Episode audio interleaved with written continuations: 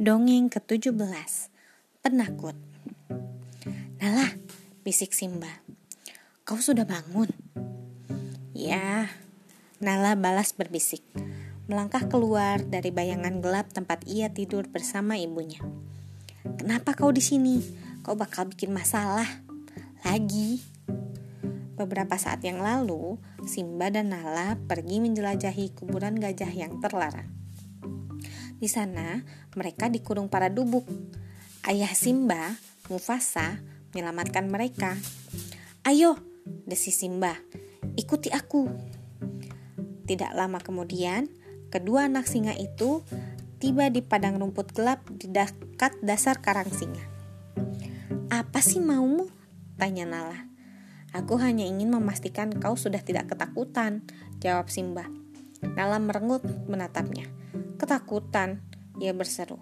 Bukan aku yang ketakutan. Apa? Teriak Simba. Kau tidak bermaksud mengatakan aku penakut kan? Karena tidak mungkin aku takut pada beberapa dubuk goblok. Aku tidak akan takut kalau kita berhadapan dengan 10 dubuk sekalipun. Ya, aku sih tidak bakal takut kalau kita bertemu 20 dubuk dan seekor kembar, kem, kerbau ngamuk. Balas Nala. Oh ya, kata Simba. Ya, aku tidak akan takut pada 30 dubuk, sokor kerbau ngamuk, dan burung hornbill marah, kata suara yang berkauk dari dalam kegelapan. Ah! Simba dan Nala berteriak, melonjak tinggi saking kagetnya. Saat itulah seekor burung berwarna cerah keluar dari bayang-bayang. Itu Zazu, penasihat Mufasa yang paling terpercaya. Zazu, seru Simba. Kau bikin kami kami takut saja. Aku tidak takut, bantah Nala marah. Aku juga tidak, Simba cepat-cepat menimpali. Mata Zazu di atas paruhnya yang panjang melototi mereka berdua. Tidak takut ya, ia berkata masam.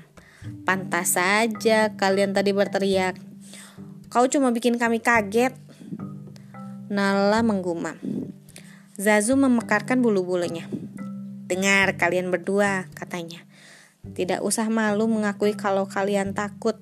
Bahkan Raja Mufasa tidak akan membantah bahwa beliau ketakutan waktu tahu kalian hilang. Dan kalau beliau saja begitu, sepasang anak singa kecil seperti, seperti kalian tentu saja boleh ketakutan. Mengerti? Mengerti, jawab Simba dan Nala. Bagus, Zazu melangkah mantap menuju karang singa. Sekarang, ayo kalian cepat pulang. Kalau tidak, aku yang betul-betul akan membuat kalian ketakutan. Sekian, terima kasih telah mendengarkan. Selamat malam.